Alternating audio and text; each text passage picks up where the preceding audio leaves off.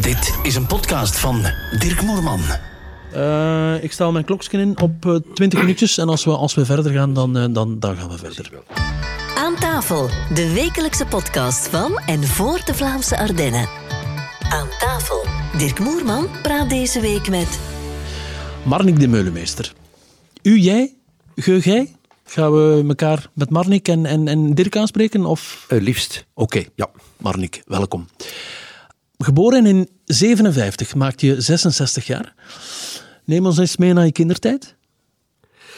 Uh, ik heb een zeer goede kindertijd gehad, uh, moet ik zeggen. Dus, uh, ik, kan je iets dichter bij de microfoon praten? Ik ben geboren dus in Oudenaarde, altijd woonachtig geweest in de Nedereenamenstraat. Grondgebied Mater, toch op de ja. scheiding met Welden, waar Hans mijn familie vandaan komt. Ja? zeker was een zeer goede jeugd gehad. ook, ik woon landelijk, hè, dus moet ik zeggen, in het mooie Mater. Hoe zag het gezin de Meulemeester eruit?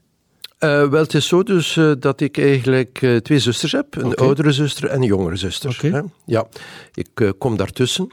Um, ja, ik heb veel kunnen spelen, veel kunnen ravotten in mijn jeugdjaar. Of je bent ongelooflijk bemoederd, of je hebt, je hebt, je hebt een fantastische tijd gehad. Niet zo bemoederd, moet ik zeggen. Ja. een beetje, een beetje, dankzij mijn lieve moeder, dus die veel te vroeg... en door je oudere zus? Ja, door mijn oudere zus, ja. mijn moeder die veel te vroeg gestorven is, op 50-jarige leeftijd. Okay. Die toch ook wel een impact gehad heeft, dus in mijn later leven, mag ik zeggen. Ook veel kunnen doen, want er waren allemaal veel landbouwbedrijven in mijn omgeving. in de zomerperiode herinner ik mij dus altijd meegeholpen met de landbouwers. Okay. Stro binnenhalen, aardappelen dus naar binnen halen. Dus, Je ja, was een bezige bij, met andere woorden. Zeker en vast. Wat, waren jullie thuis uh, landbouwers of niet? Uh, nee, nee. Uh, nee, maar in de omgeving waren er. Mijn grootouders waren aannemers. Ja. Vroeger ook landbouwers nog, mijn grootvader. Dat ja. was dan een beetje bouwen, landbouwer zijn, kolenhandelaar. Alles was zo'n beetje te samen vroeger. Ja. en mijn vader... Toen kon dat nog, hè? Toen kon dat nog. was dat normaal eigenlijk. Ja. Dus nu zou dat veel moeilijker zijn natuurlijk. Hè? Maar toch wel uit een ondernemersfamilie, mag ik zeggen. Hè? Mijn grootvader, dan mijn onkel heeft het bedrijf verder gezet, bouwbedrijf. Ja. Mijn vader heeft ook als hij jonger was, veel geholpen in het uh, bouwbedrijf, mag ik toch wel zeggen. Aha. Dat hebben we toch altijd wel een beetje meegekregen uh, vanuit de ondernemerswereld. Hoe was Marnik als tiener? Was jij braaf, rebels? Ik was relatief braaf, denk ik, ja. moet ik zeggen. Dus ik ging heel veel naar Oudenaarde uit dan, maar ook in ja. het jeugdhuis. Ja. Bokaal dan. de Mokaal, ja, ja, ja, ja. In het Walburgastraat dan, dus later in de Hevarsdreef. Ja. Daar heb ik eigenlijk toch wel heel veel uren, dagen, maanden doorgebracht.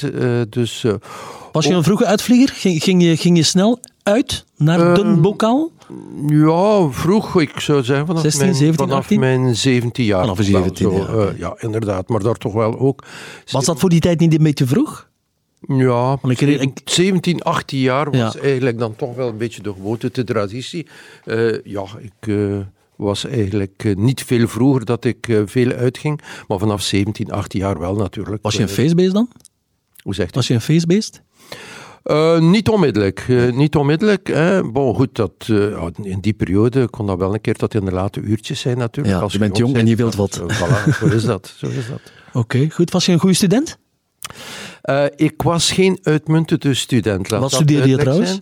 Uh, dus ja, ik heb uh, mijn humaniora uitgedaan. -hmm. dus Waar? ik heb drie jaar mijn humaniora gevolgd in het Koninklijk, het Koninklijk Atheneum in Oudenaarde. Ja. En dan ben ik drie jaar eigenlijk naar In de Bergstraat? nee, nee dus in het Atheneum, in de Fortstraat. In de Fortstraat, ja. En mijn laatste drie jaar um, heb ik eigenlijk doorgebracht in het Provinciaal Handel en Taalinstituut in Zottegem. Oké. Okay. Uh, mijn ouders hebben me daar naartoe gestuurd, uh, omdat ik niet echt uh, zeer goed was in wiskunde. En ze zeiden, ja kijk, je moet hem sturen dus naar, voor de talen, voor handel en zo. En zo ben ik in, in Zottegem terechtgekomen en heb ik daar eigenlijk mijn zes jaar volmaakt. Oké, goed. En wat deed je na de studies? Wel, ik heb Na de middelbare studies? Na mijn middelbare studies heb ik eigenlijk ehm, onmiddellijk beginnen werken. Hè. Dus ik had een aanbod uh, toen der tijd. Ehm, ik was ook geen uitstekende student om verder te studeren, laat dat duidelijk zijn. Ik zeg dat in alle eerlijkheid en oprechtheid, er is ook niks mis mee. Nee. En ik heb dan onmiddellijk Kunnen niet allemaal hoogvliegers zijn? Voilà. En ik heb dan onmiddellijk kunnen eh, gaan werken eh, als eh, opsteller, was dat toen, bij het toenmalig Fonds voor Schoolgebouwen in Brussel. Dus je moest elke dag naar, naar Brussel. Ik moest eh, ja, vanaf, eh, ik herinner me nog altijd wanneer ik begonnen ben, 14 april 1975, Oké. moest ik iedere dag naar Brussel. En dat was trein? zo met de trein, Ja. soms tussen de drie à vier uur toen der tijd eh, dat ik onderweg was. Want we moesten dan ook vanuit het Centraal Station nog ja, een lange weg afleggen, Ja. soms twee kilometer te voet. Naar het bureau. Naar het bureau, Ja. hè, waar er toen nog geen metro aanwezig was. Alright. En wanneer kwam de politiek in de picture? Wel, vrij vroeg eigenlijk. Ik heb eigenlijk thuis nooit niet anders gezien dan politiek. Mijn vader zat eh, in de politiek, is de eerste keer politiek actief geweest en eh, op lijst gestaan in 1958 hè, in de deelgemeente Mater toen nog, toen Ja. nog Mater. Ehm, later Oudenaarde geworden. Eh, en ja, ik heb niet anders gezien. Mijn vader was eigenlijk toch wel zeer actief in het sociaal dienstbetoon. Ik heb hem Ook een er liberaal? Altijd, altijd liberaal Altijd geweest, liberaal uiteraard, ja. Dus Ehm, Marnik komt uit een liberaal nest, zeg maar. wel, ik kom eigenlijk uit ehm, een beetje liberale sociale beweging, Ja. moet ik zeggen. Mijn vader heeft eh, dus 40 jaar diensthoofd geweest op de liberale mutualiteit Oost-Vlaanderen. Had een zeer groot uitgebreid dienstbetoon, was zeer goed eh, eh, op de hoogte van al wat dat met pensioenwetgeving te maken had. Eh, sociale wetten, ziekte, invaliditeit, noem maar op allemaal. Wij hadden een zeer groot dienstbetoon en ik heb mijn vader er altijd eh, in bijgestaan en op die manier eigenlijk veel ervaringen opgedaan en ook veel geleerd. hè. was een van de eh, sterkhouders van de, van de liberale partij, eh, het, eh, Ja. het dienstbetoon. Hè? Als we kijken hoe, Klopt. hoe Herman de Croo dat allemaal geregeld heeft. Het was in dezelfde periode Ja. van Herman de Croo. En Ja. ik herinner mij dus dat ze bij ons twee dagen in de week, de dinsdag en de donderdagavond, soms tot buiten stonden te wachten om, om binnen te komen op de zitdag bij mijn vader. Kan jij een korte schets maken van je politieke carrière? Wel, inderdaad. Dus vanaf... In uw geval is dat natuurlijk zeer moeilijk. Ja, maar ja, ik ga proberen Ja. zo kort mogelijk te zijn natuurlijk vanaf mijn 18 jaar. nee, nee, ik bedoel het niet negatief, maar je, je carrière is zo uitgebreid dat je Ja. het bijna niet kort kan zeggen. Nee, maar enfin, goed, ik zal eh, proberen mij te beperken. Eh, dus 18 jaar beginnen werken natuurlijk. Ja. Vijf jaar nadien ben ik gevraagd geweest om eh, dus kabinetsmede- te- kabinetsmedewerker te worden op het kabinet van Herman de Croo. Ja. Toen er tijd minister van PTT en pensioenen. Daar heb ik PTT dan zeg, eh, hè? een jaar doorgebracht. Daarna terug een kabinet gevraagd geweest om medewerker te worden bij de adjunct-kabinetschef van minister van Financiën Willy de Klerk eh, bij Mar de Pauw. Ja. Vroegere collega die dan ook nog 18 jaar eh, burgemeester van Desterbergen geweest is. Vijf jaar doorgebracht dan, dan terug naar de administratie. Eh, en dan heb ik nog eh, ja, drie andere kabinetten gedaan. Eh, dus het, het kabinet van Jacques Boegman, minister van Middenstand, Fientje Moerman, minister van Economie en Rick Daams, minister van Overheidsbedrijven. Dus ja, ik, zeg, ik heb bij vijf ministers gewerkt. Ja. Hm. En lokaal? Eh, lokaal was ik toen, mijn vader kwam op toen, dus sorry, ja, het was hij die op de lijsten stond, ik niet, hè, terecht. En toen heb ik eigenlijk een beetje van een carrière gemaakt eh, bij de PVV-jongeren. Ik ben eh, lokaal voorzitter geweest Ja. van Oudenaarde. Ik heb zes jaar arrondissementeel voorzitter geweest. Maar het, was- het, het, het was, stond als het ware in de sterren geschreven dat je in de voetsporen van je vader zou treden en ook zelf dan later zou opkomen. Denk het wel, Ja. denk het wel. Ik ben dan ook drie jaar provinciaal voorzitter geweest, lid Ja. van het nationaal bestuur. Eh, en nadien eh, heb ik voor de eerste keer ben ik dan opgekomen eigenlijk voor de provincieraad. Hm. Ja. Ehm, eh, dus toen dan mijn vader ook nog actief was eh, in, de, in de stad. Eh, en nadien is het dan begonnen eigenlijk in Oudenaarde, dus waar ik voor de eerste keer dat ik opkwam, eerste schepen geworden ben. Ik had van op de zevende plaats toen 500 stemmen meer dan de lijsttrekker, dus ik was onmiddellijk schepen, eerste schepen. Zes jaar en eh, nu bijna eh, ondertussen eh, volgend jaar 24 jaar burgemeester Van 2001 van onze stad? Oudenaarde. Maar daarvoor moet ik zeggen, dus vanaf eh 2000, 2000 ben ik dan ook Na een paar keren meegedaan te hebben op de lijsten voor het Vlaams parlement, drie keren geloof ik, niet Ja. verkozen geweest, eh, ben ik dan ook 15 jaar eh, Vlaams volksvertegenwoordiger geweest. Want daar ben je mee gestopt intussen, hè? Daar ben ik mee gestopt. Na Ja. 15 jaar heb ik gezegd, kijk, het is, het is eh, goed geweest. Ik ga mij volledig richten op de stad. Nu, we hebben een COVID-periode achter de rug. En ik heb de vraag waarschijnlijk al, al eerder gesteld als, als interview van, van Vlaamse Ardennen 1. Maar wat, wat was de meest eh, ehm, vreselijke herinnering die je rond die tijd hebt? Ja, dat was een zeer moeilijke periode, laat Ja. dat duidelijk zijn natuurlijk. Hè. Dus gedurende twee jaar, dus eh, weekends door werken eigenlijk. Het, was, niet- het, het was alleen maar eh, slecht nieuws zou verkopen eigenlijk, hè? Eh, ja, meestal was slecht nieuws dat Ja. we moesten verkopen na de verschillende veiligheidsvergaderingen. We hadden er soms drie à vier in de week in de beginperiode. Dat was altijd maar regels, wetten, eh, dus die uitgevaardigd werden, die wij moesten vertalen naar de bevolking toe. En ik herinner mij op een bepaalde zaterdag dat wij ook aan het werk waren, dus dat ik eigenlijk de mededeling moest doen dat de bloemenwinkels eh, niet open mochten. Hè. Ja, ik herinner me Niemand begreep dat dan. Ik moest die mededeling doen aan de verschillende bloemenwinkels. Dat, dat is eigenlijk één van die ervaringen die ik meegemaakt heb, die zeer ondankbaar Ja. eh, waren en waar ik eh, vaak nog aan terugdenk. Ja. Ja, moeilijke periode, maar Trok je dat persoonlijk eh, aan? niet echt, maar het was soms toch moeilijk Ja, hè, om ja. bepaalde dus wetten te vertalen naar de bevolking toe. Vielen mensen je daarop aan?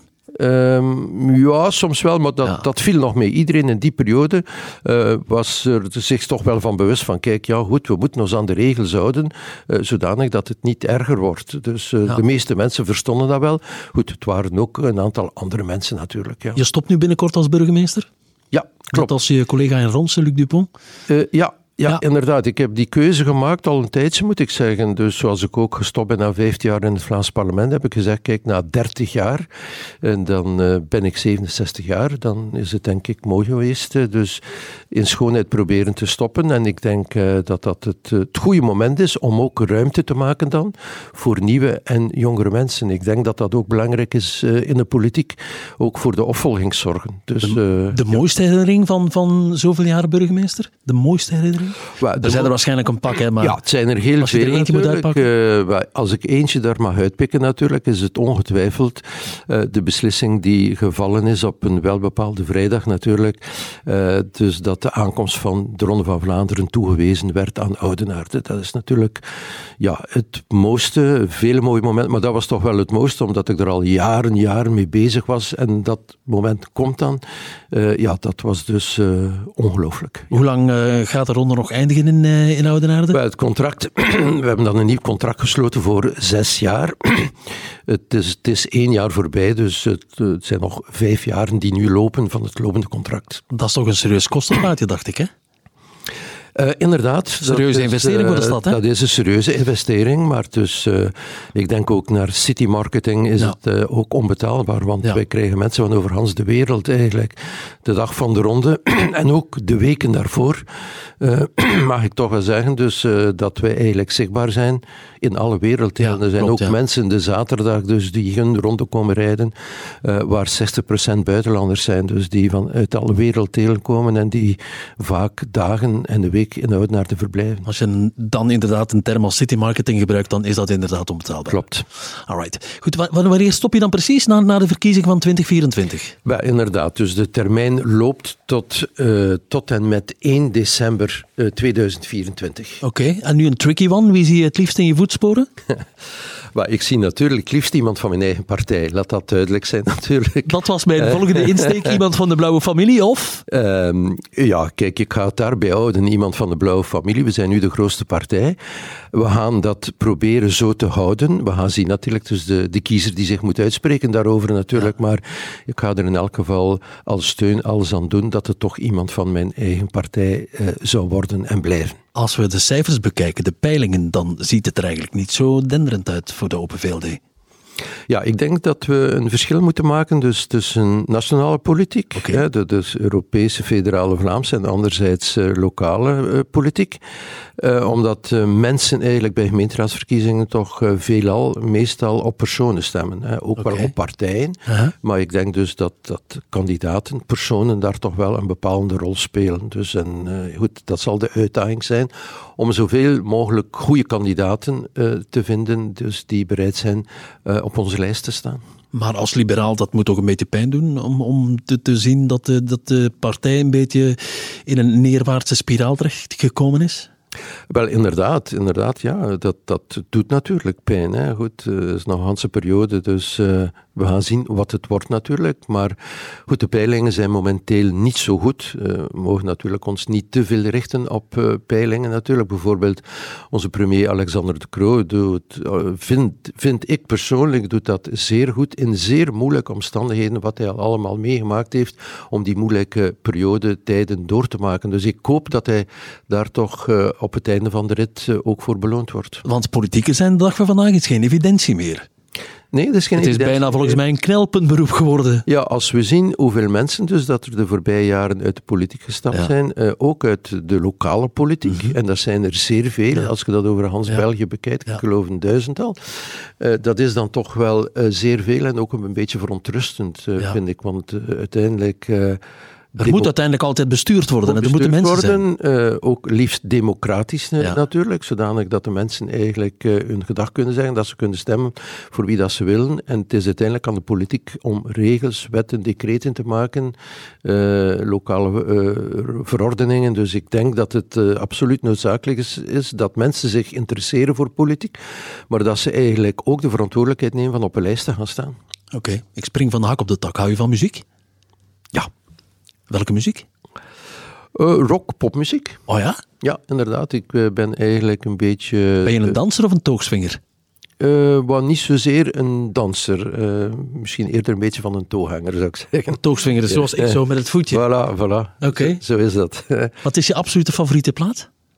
God, mijn favoriete plaat is eigenlijk. Uh, ik, ik, ik heb een aantal mensen die ik bijzonder graag hoor. Uh, Bob Dylan, Neil okay. Young. Okay. Hè? Dus uh, dat zijn toch een beetje mijn favorieten zo. Greg Parker.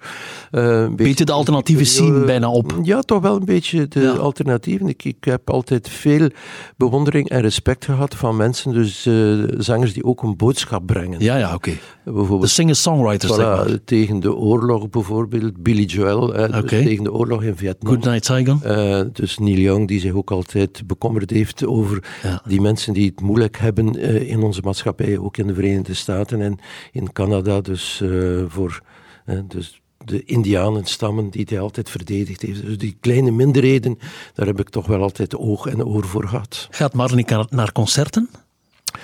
Um, de voorbije jaren veel minder. Ik, ik, herinner me dat ik vroeger, als ik veel jonger was... Wat was het laatste concert jaar, bijvoorbeeld dat je gezien hebt? Uh, het laatste concert dat ik gezien heb, god, dat is al lang geleden natuurlijk, van Bob Dylan. Okay. Uh, in het uh, Feyenoordstadion met in het voorprogramma Eric Clapton. dus dat was Alright. fantastisch natuurlijk. Ja. Ik was ook een trouwe bezoeker bij Jazz Bilzen, vroeger okay. nog. Ja. dus waar ik ja, ook heel vele dagen verbleven heb toen. Ben je gelovig? Uh, ik ben gelovig, maar uh, niet praktiserend. Niet praktiserend, dus je gaat niet elke nee. zondag in de kerk zitten. Nee. Stel, um, bij het buitenstappen hier word je plots overreden door een elektrische auto die veel te snel komt voorbijgeknald. Wat gebeurt er dan? Ja, ik zou het niet durven zeggen zo. Hè. Dat zijn momenten... Is er nog iets of is het, is het over en out?